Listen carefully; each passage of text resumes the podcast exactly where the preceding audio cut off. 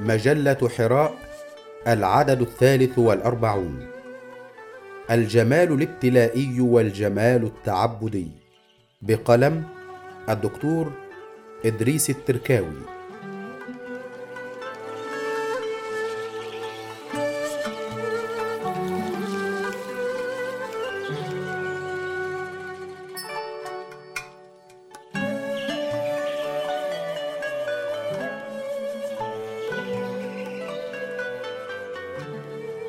الجمال في دلالته الأصلية الابتدائية هو الحسن والبهاء والزينة.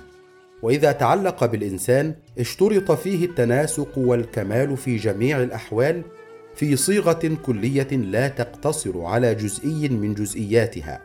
قال الراغب الأصفهاني في المفردات في نص هو المؤسس لهذه الكلمات المتواضعة الزينة الحقيقية ما لا يشين الإنسان في شيء من أحواله لا في الدنيا ولا في الآخرة. فأما ما يزينه في حالة دون حالة فهو من وجه شين والزينة بالقول المجمل ثلاث. زينة نفسية كالعلم والاعتقادات الحسنة وزينة بدنية كالقوة وطول القامة وزينة خارجية كالمال والجاه. فقوله حبب إليكم الإيمان وزينه في قلوبكم الحجرات الآية السابعة فهو من الزينة النفسية. وقوله من حرم زينة الله سورة الأعراف الآية الثانية والثلاثون. فقد حمل على الزينة الخارجية. وذلك أنه قد روي أن قوما كانوا يطوفون بالبيت عراه فنهوا عن ذلك بهذه الآية. وقال بعضهم بل الزينة المذكورة في هذه الآية هي الكرم المذكور في قوله إن أكرمكم عند الله أتقاكم. سورة الحجرات الآية الثالثة عشرة. وهو في التصور الإسلامي مقصد أصيل وظيفته خدمة كلي من الكليات المقاصدية الكبرى. وقد تعبر عنه اللغة التجريدية كما تعبر عنه اللغة التصويرية. وذلك غالب الشريعة كما هو الحال بالنسبة لمجموع الصور الفنية اللغوية المنظومة في آي القرآن وجوامع كلم النبي صلى الله عليه وسلم. وكذا الصور التجسيمية إذا أمنت الوقوع في حرم أصول العقيدة وقواعد التوحيد. والجمال في التصور الإسلامي سواء تعلق بصورة الإنسان أم بفعله ونظامه النفسي أم بنعم الله الوجودية في الخارج. كل ذلك لا يخلو من تأطير نوعين من الإرادة مرتبطين بمشيئة الله في خلقه. هما إرادة التكوين وإرادة التكليف.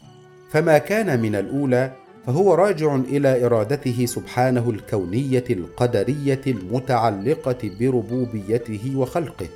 وما كان من الثانية فهو راجع إلى إرادته الأمرية التشريعية المتعلقة بألوهيته وشرعه فالأولى عنوانها توحيد الربوبية والثانية عنوانها توحيد الألوهية والأمران غير متلازمين. فقد يقضي ويقدر ما لا يأمر به ولا شرعه وقد يأمر بما لا يقدره ولا قضاه وقد يجتمع الأمران معا وقد ينفرد الكوني فيما وقع من المعاصي كما ينفرد التكليفي فيما وقع من الطاعات. واذا فالإرادة القدرية الخلقية هي المتعلقة بكل مراد فما أراد الله كونه كان وما أراد ألا يكون فلا سبيل إلى كونه. والإرادة الأمرية هي المتعلقة بطلب إيقاع المأمور به وعدم إيقاع المنهي عنه. ومعنى هذه الإرادة أنه يحب فعل ما أمر به ويرضاه وكذلك النهي يحب ترك المنهي عنه ويرضاه.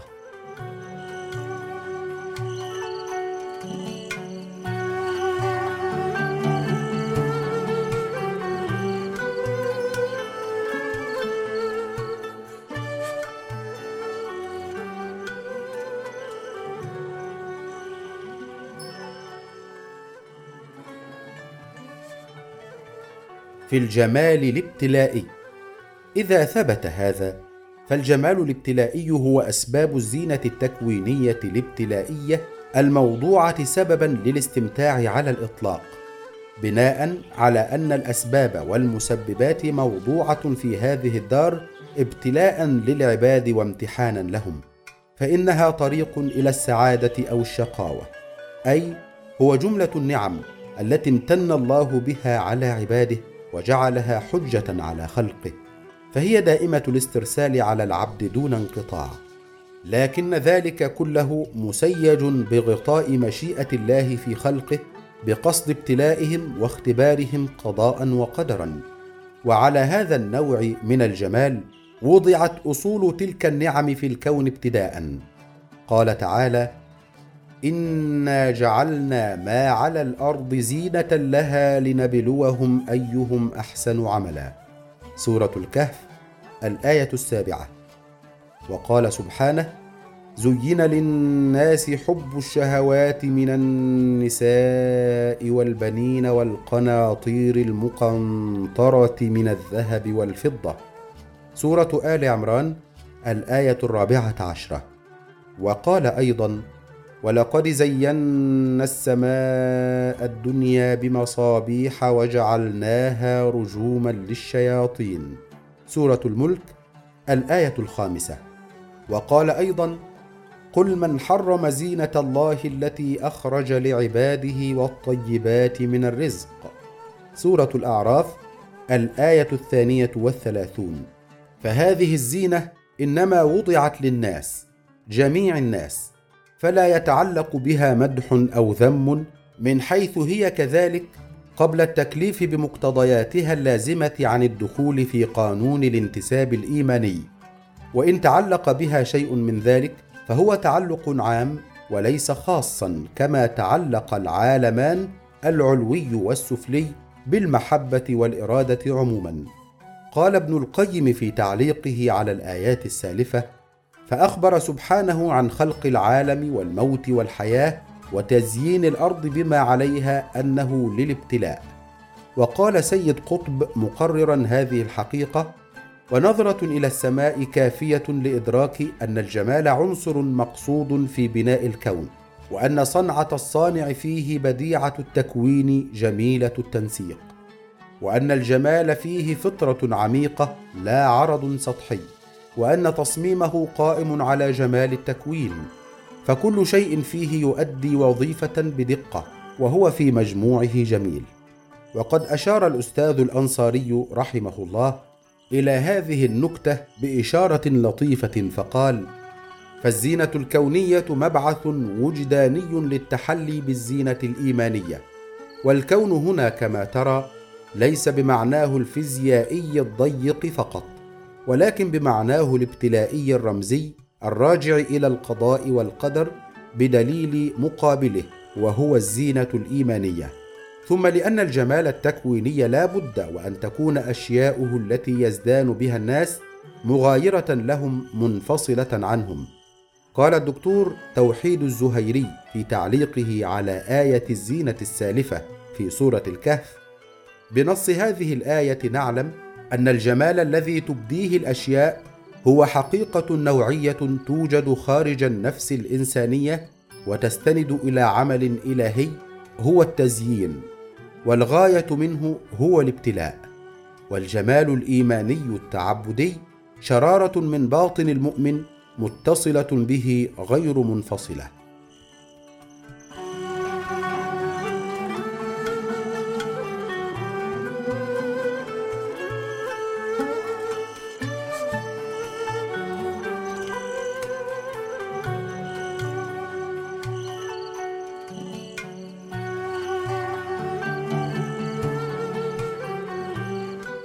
في الجمال التعبدي. إن الجمال الابتلائي إذن قدر سقي بماء المشيئة القهرية الخلقية وخرج من ينابيع حروف كن فيكون لتسطر قواعد التكليف وتنظيم الهوى. فلا يبقى المكلف كالبهيمة المسيبة تسترسل في نيل لذاتها واقتناص شهواتها دون داع يقيد أو حامل يزع عن الوقوع في المحظور ومجموع ذلك هو قصد الشارع العام من وضع الشريعة كما قال أبو إسحاق المقصد الشرعي من وضع الشريعة إخراج المكلف عن داعية هواه حتى يكون عبدا لله اختيارا كما هو عبد لله اضطرارا. فالجمال التعبدي إذن من لوازم عبادة المؤمن الاختيارية والخروج من عبودية الاضطرار. والتحلي بزينة أصل الإيمان هي حقيقته المجسدة له كما قال تعالى ولكن الله حبب إليكم الإيمان وزينه في قلوبكم. سورة الحجرات الآية السابعة. والباعث على ذلك توحيد الرب سبحانه وتعالى وتفريده بالعبادة وحمده وشكره على النعم الموضوعة في الكون اسبابا تكوينية لذلك. ومن هنا قالوا في تعريف الحمد لمناسبته له إنه الوصف بالجميل على الجميل الاختياري للتعظيم والشكر أخوه في هذا الميدان غذاهما أصل الإيمان بلبانه فصار من أبنائه. قال ابن القيم فهو سبحانه يحب ظهور أثر نعمته على عبده فإنه من الجمال الذي يحبه وذلك من شكره على نعمه وهو جمال باطن. وأما التوحيد فهو القناة الابتدائية المعرفة بذلك كله الحاكمة عليه في سلم منازل الإيمان لأنه يستلزمهما في منظومة التشريع الإسلامي ومقاصده التعبدية. فيكون هو سفينة النجاة حينما تتكاثر النيات وتتشعب طرقا ملتوية في بحر الإرادات حتى إذا ارتقى على متن صهواته العبد الحائر في الفلك السائر كان قد حصل على أمانه اولا من اختطاف أمواج النزوات والرغبات المرعبة ثم جال ثانيا بجوانحه المطمئنة في فضاء أسراره. هنالك يصادف ولو تبعا معارج الإيمان فيتنسم من صفو عليلها قطعا تنشل رئتيه من حريق التيه القاتم فتحيا بانتشاقها ويطرب قلبه لشذاها فلا يزال يذوب كاللحن على وتر ولا يزال يرتقي بحاد المحبة في معارجها يضاهي به حب الطيور ربيعها وحب الزهور عبيرها بل وحب الطريض لمأمن يستدفئ به من برد الشهوات القارس. قال الأستاذ النورسي يجلي حقيقته الجمالية إن ثمرة واحدة وزهرة واحدة وضياء واحدا كل منها يعكس كالمرآة الصغيرة رزقا بسيطا ونعمة جزئية واحسانا بسيطا. ولكن بسر التوحيد تتكاثف تلك المرايا الصغيرة مع مثيلاتها مباشرة ويتصل بعضها بالبعض الآخر حتى يصبح ذلك النوع مرآة واسعة كبيرة جدا تعكس ضربا من جمال إلهي يتجلى تجليا خاصا بذلك النوع فيظهر سر التوحيد جمالا سرمديا باقيا من خلال ذلك الجمال الفاني المؤقت. بينما إن لم ينظر إلى ذلك الجمال بنظر التوحيد أي لولا سر التوحيد لظلت تلك الثمرة الجزئية سائبة وحيدة فريدة معزولة عن مثيلاتها. فلا يظهر ذلك الجمال المقدس ولا يبين ذلك الكمال الرفيع بل تنكسف حتى تلك اللمعة الجزئية المتعلقة منها وتضيع وتنتكس منقلبة على عقبيها من نفاسة الألماس الثمين إلى خساسة قطع الزجاج المنكسر.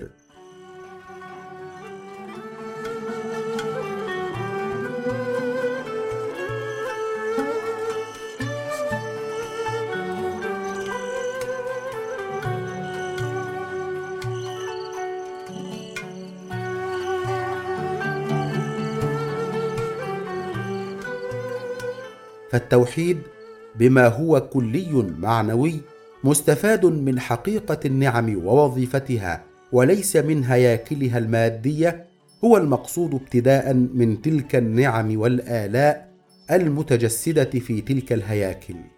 فهو جمال تعبدي باطن يترجمه جمال تلك النعم الراجعة إلى المشيئة الخلقية القدرية الحاكمة على الجميع في الخلق. فالتوحيد الممثل هنا لحقيقة الجمال التعبدي يجعل الناظر يبصر الموجودات الكونية في الدنيا بما هي مرآة للجمال الإلهي السرمدي المطلق. ومن هنا وقبل كل شيء كان الشرك استهانة بشعة بالكون وتعد عظيم عليه وحط من قيمته وتهوين من شأنه. قال الشاطبي يسرح في المساق نفسه فالحاصل أن ما بث فيها أي الدنيا من النعم الذي وضعت عنوانا عليه كجعل اللفظ دليلا على المعنى باق وإن فني العنوان. وإنما الذي وضعت عنوانا عليه هو التوحيد وهو جمال مسترسل لا يفنى. يدل عليه جمال النعم الكونية الابتلائية الذي عما قريب سيفنى دونه كفناء الرسم دون الروح. وإنما جعل هذا لخدمة ذاك وتخليصه من التبعات التي تعلق به في الدنيا والآخرة. قال في سياق المقابلة بين النوعين بعد سرده لآيات الزينة والجمال فامتن تعالى وعرف بنعم من جملتها الجمال والزينة وهو الذي ذم به الدنيا في قوله اعلموا أنما الحياة الدنيا لعب ولهو وزينة. سورة الحديد الآية العشرون. بل حين عرف بنعم الآخرة امتن بأمثاله في الدنيا وهو كثير. فأنزل الأحكام وشرع الحلال والحرام تخليصا لهذه النعم التي خلقها لنا من شوائب الكدرات الدنيويات والأخرويات. فهذه النعم بدون خضوع لقوانين الامتثال التكليفي التعبدي تصير اشباحا بلا أرواح ورسوما بلا عنوان يترجم حقيقتها ووظيفتها ويضفي عليها جمالها ورونقها. أو بعبارة العلامة النورسي تنتكس منقلبة على عقبها من نفاسة الألماس الثمين إلى خساسة قطع الزجاج المنكسر. وأما ما يتعلق بلباس العبد وعمرانه المادي وفعله الخارجي عموما فهو ترجمة لجمال الإيمان فيه ولرمزيته المتفجرة عيونا رقراقة وأزهارا يانعة في قلبه ضاربة بأعماقها في مجاهيل الوجدان والشعور. ومن هنا نفهم قول الراغب الأصفهاني في جعله آية الزينة في سورة الأعراف مؤطرة ضمن حقيقة الزينة الخارجية في نصه السابق. لأنها وردت في اللباس كما هو متداول عند المفسرين وقد أشار إليه. فبؤرة هذا النوع من الجمال مرآة تصويرية لنعم الله الكونية عبر قنوات الشكر والحمد والتوحيد ضاربة بأعماقها في صلب شرايين قلب العبد النفسي والشعوري. لأن قلبه كسائر القلوب أعظم مرايا العالم وأكثرها سعة وأشفها شفافية وأنقاها صفاء. لذلك جعل موضع نظر الله تعالى ومهبط أنواره وتجلياته ومستودع إلهاماته وخزين غيوبه ووعاء وحيه وخطابه. فإذا رسخ قلبه في الإيمان وامتلأ هذا المستودع بتلك الأنوار فاض على الجوارح والعمران والمشيمة المغذية هي القرآن. فصار الجمال الكوني بذلك الاعتبار مبعثا شعوريا للجمال التعبدي التكليفي وهذا مدلول له والآخر دليل عليه في معادلة جمالية متبادلة الطرفين طردا وعكسا في حركة العبد التعبدية. ومن هنا استحال في حقوق الله فصل حق الربوبية عن حق الألوهية في منظومة التوحيد الوجداني دون تقسيمات الكلام الجافة. وأنه لا محبة من العبد خالصة إلا بمجموعهما. ومن هذا المسلك أيضا خرجت صور التشكيل الإيمانية عبر التاريخ الإسلامي لترسم لوحات فنية تحكي فيها قصة عروج القلب عبر مدارج السالكين إلى الله رب العالمين.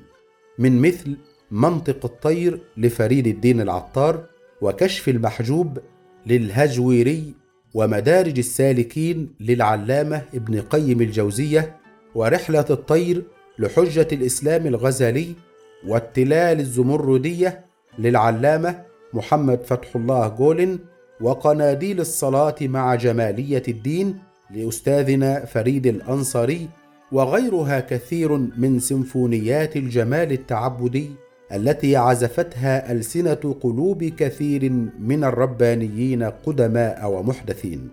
وخلاصة الأمر المجزئة في السياق أن إدراك الجمال الكوني إنما تكفي فيه الفطرة فقط لأن أسبابه موضوعة كما قيل قبل لاستدعاء متعة الناس من حيث هم كذلك على الإطلاق. وأما التعبدي فهو ذوقي انفعالي خاص تال للأول لا بد فيه من الخضوع لمبادئ التكليف لأن الفطرة فيه قد تضعف عن معرفة الأسباب والشروط المقتضية له وكذا الموانع العارضة فيه لقصد الشارع.